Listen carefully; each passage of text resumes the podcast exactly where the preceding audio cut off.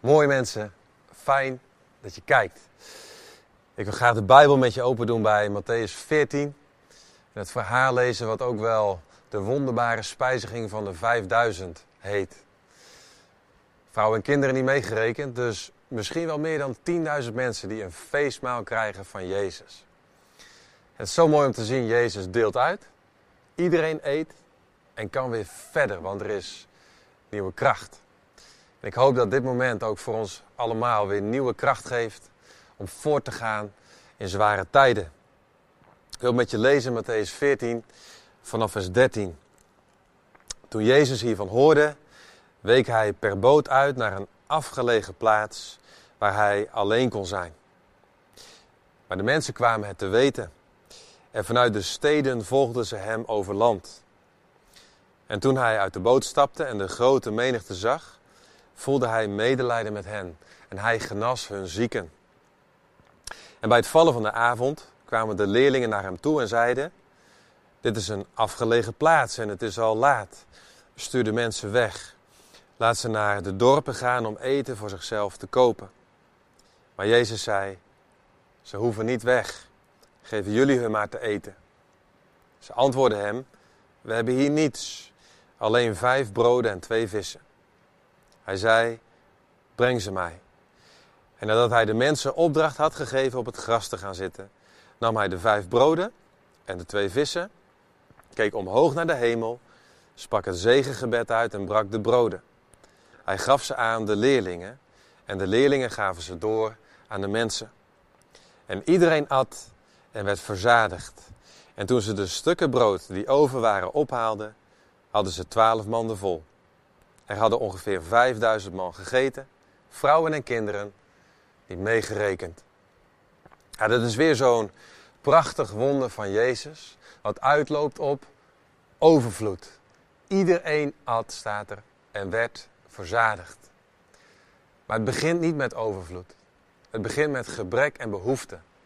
Jezus en zijn leerlingen wilden heel graag naar een afgelegen plek. Waarom eigenlijk? Nou, uit de evangelie kun je drie redenen opmaken. De eerste vanwege verdriet. Johannes de Doper was zojuist vermoord door Herodes. Het nieuws had Jezus bereikt. Hij wilde een rustige plek om daar het verlies te kunnen verwerken, om te rouwen. De tweede reden kun je halen uit Marcus 6. De twaalf waren net op een zendingstage geweest. Hadden demonen uitgedreven, zieken genezen, onderwijs gegeven. Ze komen terug bij Jezus. Ze vertellen de verhalen, ze zijn super enthousiast. En dan zegt Jezus, het is tijd voor vakantie. Jullie zijn vermoeid, je hebt rust nodig. De derde reden, Jezus verlangde naar verlichting van geestelijke druk.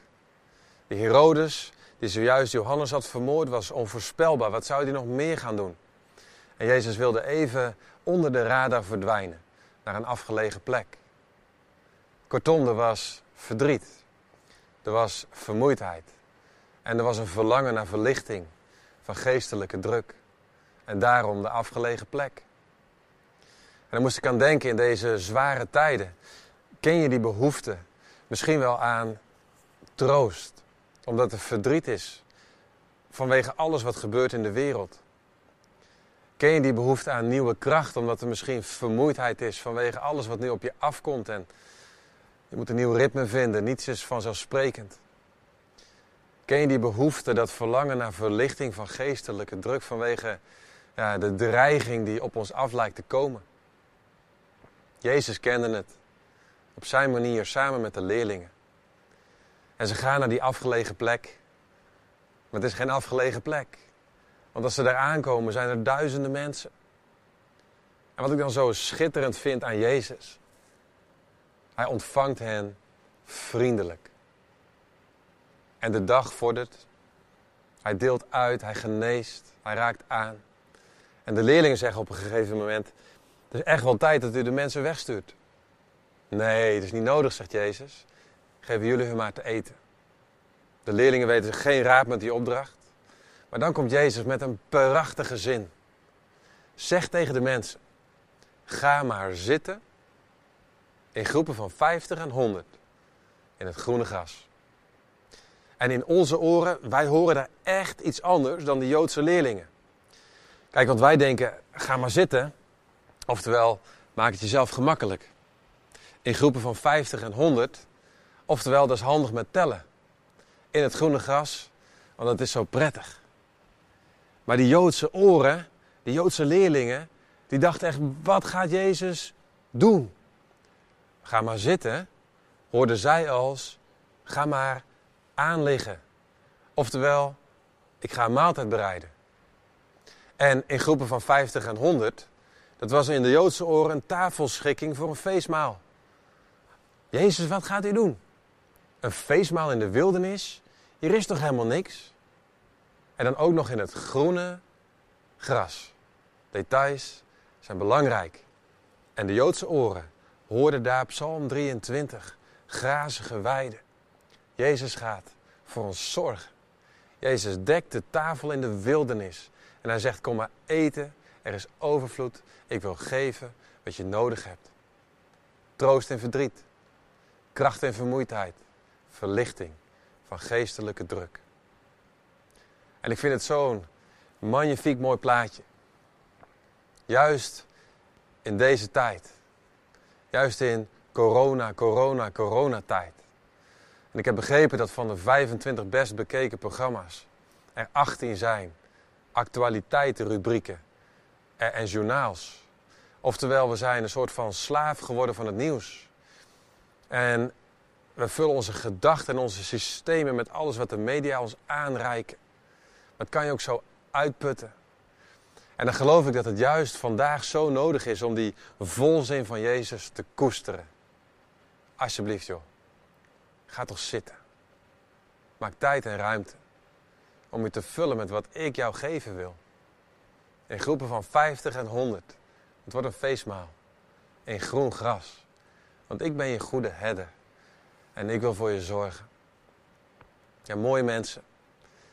Het is zo gemakkelijk om ons eindeloos te laten vollopen met coronanieuws.